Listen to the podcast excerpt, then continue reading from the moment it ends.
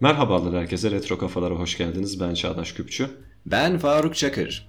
Ve bugün sizlerle beraber çocukluğumuzun olmazsa olmaz bir bölümünü işgal eden, 4 ile sola, 6 ile sağa zıplayan, zıpır bir troll olan, kalbimizin, gönlümüzün, Hugolina'nın prensi Hugo ve onun oyunlarına bir göz atıyoruz. Konumuza başlamadan önce bizlere sosyal medya üzerinden ulaşmak isterseniz Facebook ve Instagram adreslerimizde sizlerden mesaj bekliyoruz. İncelememizi istediğiniz herhangi bir görsel medya, unutulmaya yüz tutmuş herhangi bir medya içeriği varsa bize bildirebilirsiniz ve konularımızda bir sonraki podcastimizde bunu işleyebiliriz. Şimdi Hugo dediğimizde konumuza geçecek olursak öncelikle bizim gibi yaşı kemale ermiş jenerasyon için neler ifade ediyor bu zıpır prens, zıpır tirol Faruk? Ha ha Hugo. Prensimiz, çocukluğumuzun prensi. Yani prens dediğimizde aklımıza neler gelir? İşte At gelir. beyaz at. Direkt senin at, aklına at mı geliyor? Prens deyince. Yani sürekli bir beyaz atlı prens. At geliyor direkt. Ha senin aklına at geliyor tamam. Ee, beyaz atı var tabii ki prenslerin. Yani e, beyaz atına binerler bu şekilde şık bir kıyafet giyerler bilmem ne bilmem ne. İşte e, arkasında bir tane e, güzel kız olur. Arkasına sarılır böyle belinden. O şekilde tık tık tık tık tık tık gün batımına doğru ilerlerler falan. Her neyse o hikaye- hikayelere de çok aşina değilim ama Hugo e, bir beyaz atı olmamasına rağmen öyle şık giyinmemesine rağmen böyle hobo gibi giyiniyordu. böyle yeşil bir kıyafeti vardı. Böyle düğmesi e, böyle omzundan, e, sırtından ve e, karnına doğru bir tane e, kuşağı vardı hatta. Onu kıyafetin ön tarafından bağlıyordu, düğmeliyordu. Yakışıklı da değildi zaten trolldü. Sen de troll olduğunu söyledin az önce. Hı hı. Öyle olmamasına rağmen bir prens olmayı işte e, bizim jenerasyonumuzda, bizim neslimizdeki insanlar için bir prens olmayı başarabilmiş bir varlık, bir karakter kendisi ve biz bu Hugo'yu televizyon programından hatırladık. E, hem bizim jenerasyonumuzdaki hem e, bizden önceki nesillerde işte 90'lı yıllarda çocuk olan nesil özellikle bu Hugo'yu daha çok daha çok bile demeyeyim hatta temel olarak televizyon programından hatırladı. Ama bu televizyon programın bu televizyon programı çıkmadan önce de Hugo her zaman varlığını sürdüren, uzun zaman boyunca varlığını sürdüren bir karakterdi, bir prensti kendisi. Yanılmıyorsam 1980'lerden beri var. Yani yanlışım varsa düzeltebilirsin. Yok şöyle aslında bu ITE Media dediğimiz yani Interactive Television Entertainment bünyesinde geliştirilen Hugo oyunlarından önce Silver Rock Productions adıyla çıkıyordu. Bu 1988'lerde yani böyle 80'lerin o civarları Kopenhag'da direkt temeli bulunan bir şirketti bu. Başta tabii bunun kendi oyunları vardı. Hugo karakteri çok çok önceden de vardı. Fakat bu asıl sükseyi dünya genelinde ve da bizim de ülkemizde bildiğimiz televizyon, interaktif televizyon oyunlarıyla yakaladı. Bunu nasıl yaptı? Kendine has özel bir mekanik içeriyordu. Yani telefonunuza siz bu programa bağlandığınızda işte çeşitli bir interaktif oyun seçme olayından sonra ne yapıyordunuz?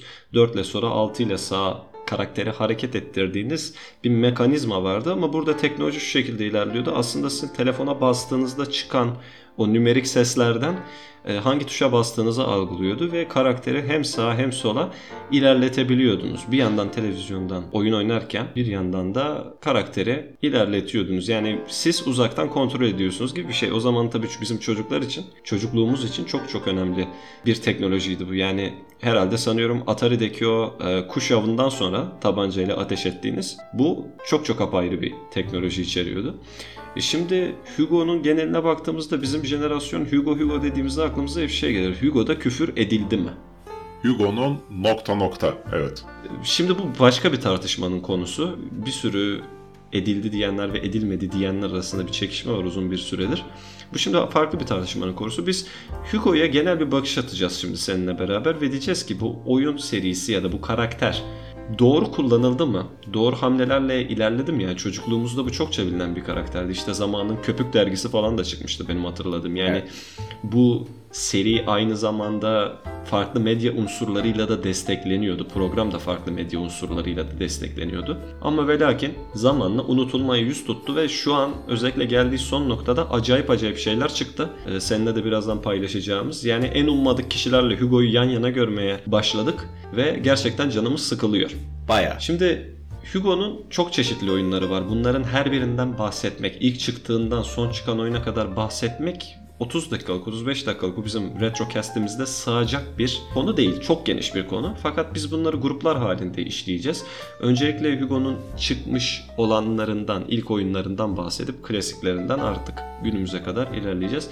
Şimdi Hugo'nun ilk çıkış oyunlarından bir tanesi e, bunun Hugo'nun o zamanlar tabii internetin de çok fazla e, revaçta olmadığı zamanlarda, çevirmeli internetlerin bulunduğu zamanlarda kutulu oyunlara çok çok imkan veriyordu Hugo serisi ve Hugo aslında biraz da Avrupa bölgesinde, Amerika'da çok fazla biliniyor mu Faruk bu seri? Yani Amerika'da bildiğim kadarıyla çok tanınan bir karakter değil. Yani e, en son hani demiştin ya hiç ummadığımız karakterle karakterlerle mobil oyunlarda Hugo'yu yan yana görüyorduk. Belki onlarla e, dünya çapında, dünya çapında dediğim Amerika ve diğer e, Avrupa dışındaki bölgelerde de e, tanınmış olabilir. Ama onun öncesinde Avrupa'da, İskandinav ülkelerinde, bizim ülkemizde, Türkiye'de daha çok tanındığını e, düşünüyorum. Bir de az önce söylediğin konu konuya dönecek olursak, o telefon tuşlarıyla karakteri, karakterimizi Hugo'yu e, oy- oynatmak. Dörtte bu tarafa, altıyla bu tarafa derdi Tolga abi.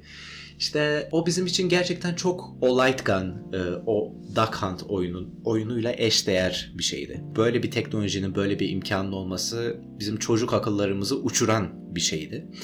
Yani telefonla bir programı arıyorsunuz, o programda oyun oynuyorsunuz. Telefonu bir controller olarak kullanıyorsunuz, kontrolcü olarak kullanıyorsunuz. Bu apayrı bir şeydi ve çocukluğumuzda da bu bu tür imkanlara çok fazla e, sahip değildik e, büyük bir kısmımız. Yani hepimiz adına konuşmayayım. Yani şahsen Evet. Şahsen ben o programa çok katılmak istedim fakat bir türlü bana sıra gelmedi. Ee, ama şunu hatırlıyorum çocukluğumdan yani özellikle Tolga abinin bas bas bağırıp Ya bak işte tuşlu telefonla arayın bizi falan filan şeylerine. e, arıyordu çocuklar ve ankesörlü telefonla dört içi böyle çık falan diye sesler eşliğinde böyle.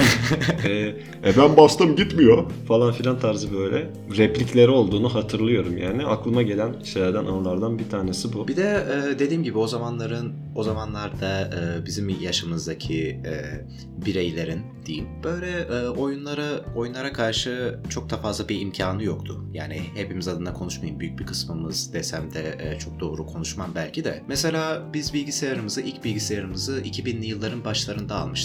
Onu hatırlıyorum. Yani ben o zamanlar daha ilkokula yeni başlamıştım. Ve annemle babamın e, bilgisayar oyunlarına karşı çok büyük bir ön yargısı vardı. Bilgisayar oyunlarının işte çocukları çok ciddi şekilde olumsuz e, yönde etkileyeceğine dair ön yargıları vardı. Şiddete yönlendirdiği falan söyleniyordu bir süre. Evet yani e, bir yere kadar doğru bir yere kadar ben de hak vermeden geçemiyorum. Yani çocukken böyle şiddet içerikli unsurlara maruz kalan çocuklar belki istenmeyen gelişmelerle karşılaşabilir. E, o yüzden bana annem ve babam hiç oyun almadı yıllar boyunca. Bilgisayarımız vardı ama oyunumuz yoktu. Açıyordum Paint'i, resim çiziyordum ablamla. İşte bilgisayarın ayarlarını kurcalıyordum. Birkaç defa bozmuştum hatta onu. Bozup bozup sonrasında da ne- nasıl düzeltebileceğimi de keşfetmiştim bu şekilde. Bilgisayar bilgim de aslında biraz o yüzden gelişti. Ve Hugo'yu da e, o yüzden gerçekten seviyordum. Ben katılmak istiyordum. Katılamıyordum. Annem ve babam izin vermiyordu. E, o zamanlar mobil oyunları da vardı, Java oyunları da vardı. Annem ve babamın telefonuna gizlice onu yüklemek istemiştim. O zaman SMS olarak bir kod gönderiyordunuz belli bir numaraya, 4 haneli bir numaraya. Sonra e, size oyun geliyordu vesaire. Öyle bir şey vardı. Ama annem ve babamın telefonları Sonra renk... telefonu da bozdun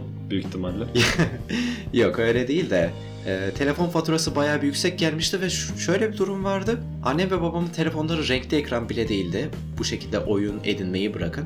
Oyunlar gelmedi o telefona. Annem ve babamın telefonuna ama telefon faturası e, bayağı bir yüksek gelmişti. Bayağı bir kontrolleri de gitmişti aynı zamanda. Geçen aklıma şey geldi. Ee, konudan hemen bağımsız gireceğim, geri döneceğim. Ee, bir ara şey çıktı biliyorsun. Böyle biz de bir kahraman yaratalım tarzı ülkemizde de Süpercan gibi bir karakter yarattılar biliyorsun.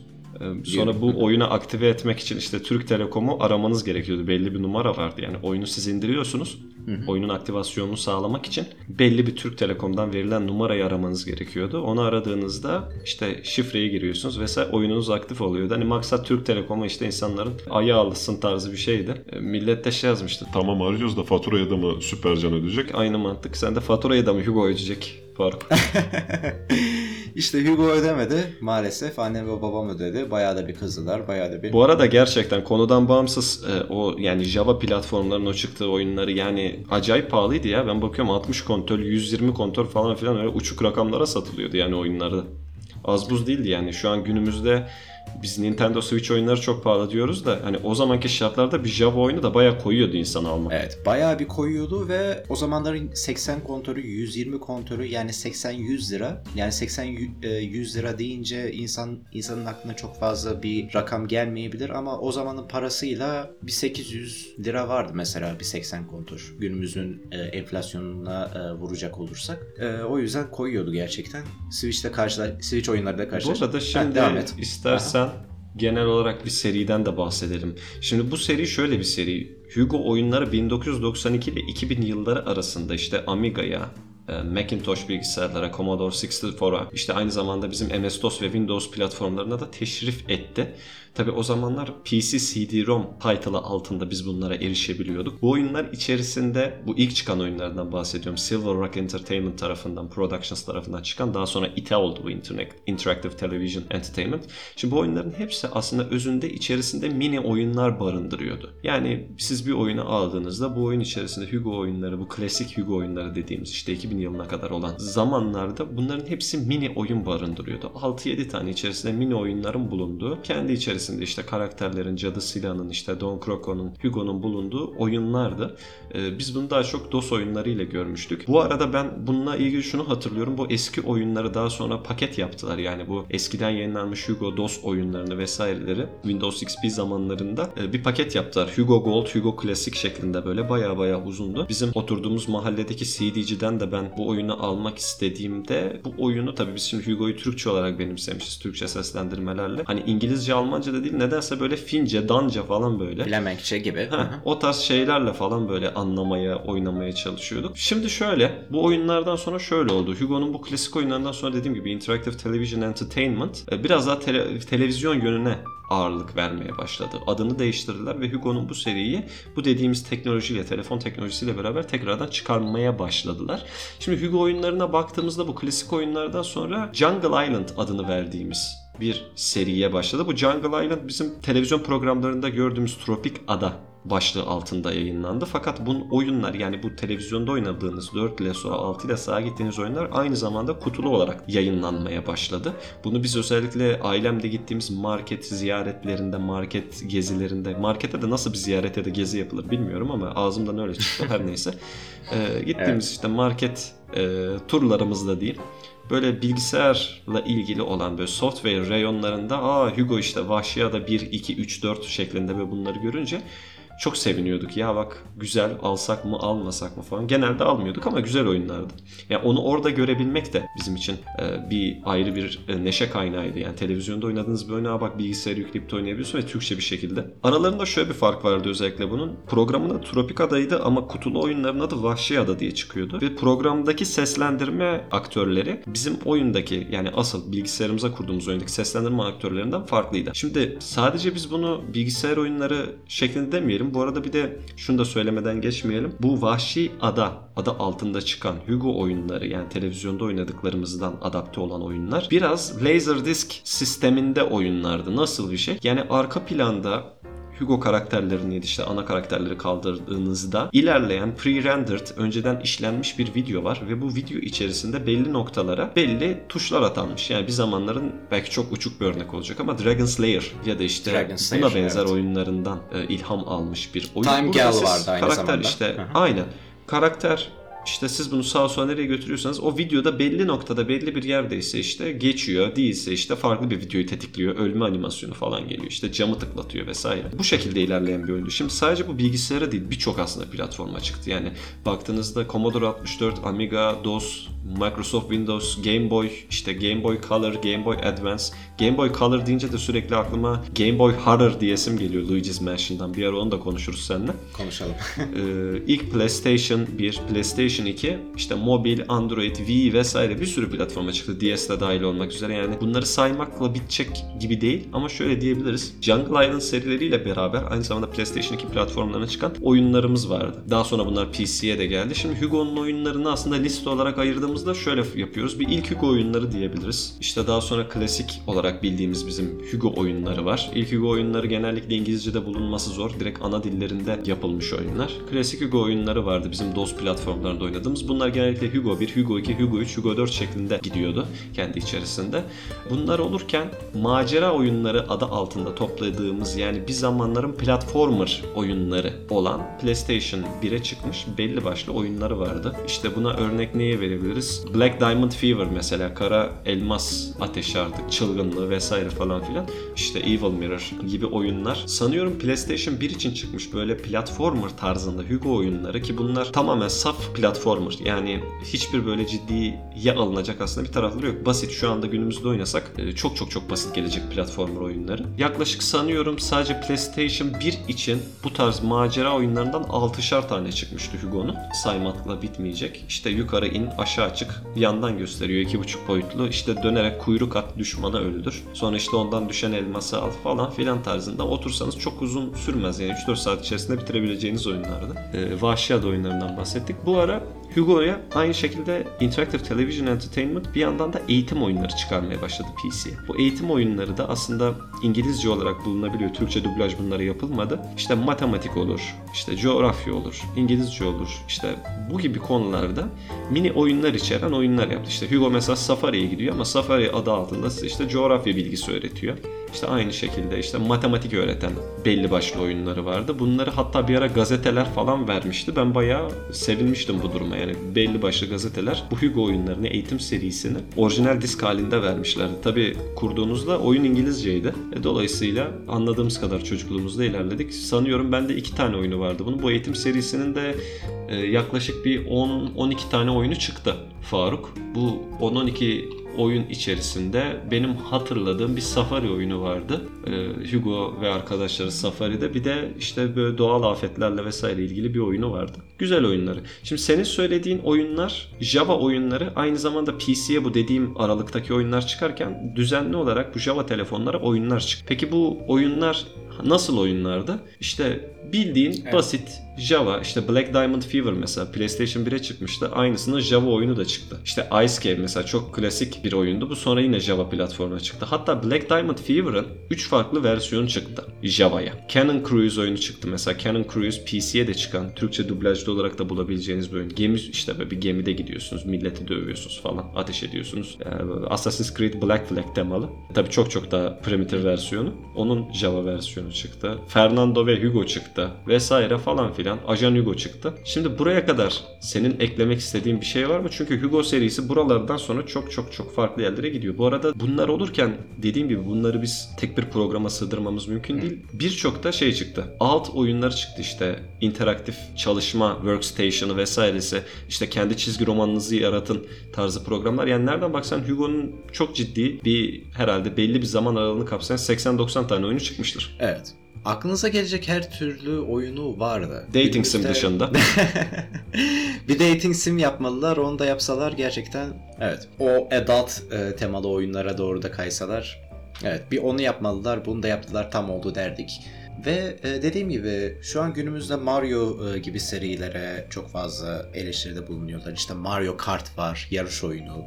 İşte atıyorum Luigi's Mansion var, e, korku oyunu. Super Smash Bros var. Super Smash Bros dediğimiz oyun e, tam bir Mario oyunu değil gerçi. Bütün Nintendo karakterleri. Hatta başka karakterler de geldi. Solid Snake'i gördük mesela Super e, Smash Bros Brawl'da. Yani e, Mario'nun e, çok böyle orijinal türünden sapmış çeşitli çeşitli oyunları var alakasız. RPG oyunları bile var. RPG oyunları e, en sevdiğim. Sen de bayağı beğenmiştin Paper Mario'yu falan. Ve dediğim gibi Hugo'nun çok e, geniş geniş türden oyunları var. Yani aklınıza gelecek her türlü her türden oyunu e, yaptıklarını düşünüyorum. Yani bugüne kadar konuştuğumuz şeylere bakacak olursak evet Hugo Gold'u işte Vahşi Adaları e, bir kısmını ben de kendi bilgisayarımda oynamıştım. Ben de e, ben de bir şekilde artık yalvar yıkar annemden babamdan almıştım onları. Onları da oynama imka- imkanım olmuştu ve Hugo Gold'u en çok oynadığımı hatırlıyorum kendi bilgisayarımda. Bu arada sonra bu dediğim gibi senin Mario'dan bahsettin. Mario'da aslında şöyle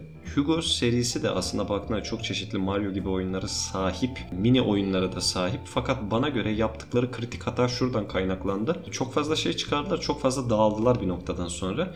Ve aslında biraz daha dikkatli kullanılsaydı bu seri, sanıyorum hani Mario gibi bir yerlere de ulaşabilir miydi tartışılır. Belki olabilirdi. Hani hardware'a ağırlık veren tamam bir şirket değil bu ya da kendi oyunlarını bu şekilde yayınlayan değil birçok platforma çıkaran bir şirket ama biraz daha dikkatli hareket edilseydi ve bu şekilde yayılmasaydı sağa sola bu kadar. Yani franchising adı altında çok fazla yayıldı oyunlar. Belki bir Mario gibi bir ayrı bir yerde durabilirdi. Şimdi nedense biz bunun farkındaysan Mario hala Mario. Yani Super Mario Brothers hala aynı ama Mesela bir Hugo dediğimizde artık aklımıza gelen şeyler çok iç açıcı değil.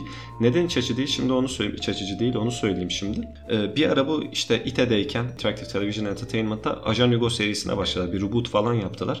Ki bence Hugo oyunları arasında en en en hani böyle değişik şeyler başaran oyunlardan bir tanesi Agent Hugo serisi. İşte ilk oyunu açık dünyaya mesela verdiler. Bildiğiniz açık dünya. Türkçe dublajda yaptılar bunu. Yani siz istediğiniz işte Aquapolis'teydi sanırım öyle bir şehirde. İstediğinizde işte jet değiştirebiliyordunuz. İstediğinizde inebiliyordunuz. İşte görevler gizlilik içeriyordu vesaire böyle. Nasıl söyleyeyim sizlere? Şehirde gezebiliyordunuz nispeten kısıtlı da olsa. E, hikayesi güzeldi. Sonra mesela Robo Rumble çıktı. Robo Rumble tamamen daha eğlenceli bir oyun. Biraz da arcade bir oyundu. Yine Agent Hugo serisinden. PlayStation 2 versiyonunu oynamıştık seninle. Evet PlayStation 2 Evet. versiyonunu oynadık. PC versiyonunda nedense Fince mi bulmuştuk, Rusça mı bulmuştuk tam hatırlamıyorum. Şey yoktu yani. İngilizce versiyon yoktu. Dolayısıyla PlayStation 2'ye yönelmiştik. Bir de şöyle oyunlar çıktı. Bu Agent Hugo serisinden sonra Limon Twist çıktı mesela. O da çok güzel bir platformer oyunuydu zamanına göre e, bizim çocukluğumuzda. Fakat sonra bu Agent Hugo serisinde biraz sapıtmaya başladılar. Yani o ciddiyetini vesairesini kendi içerisinde koruma, koruyamamaya başladılar.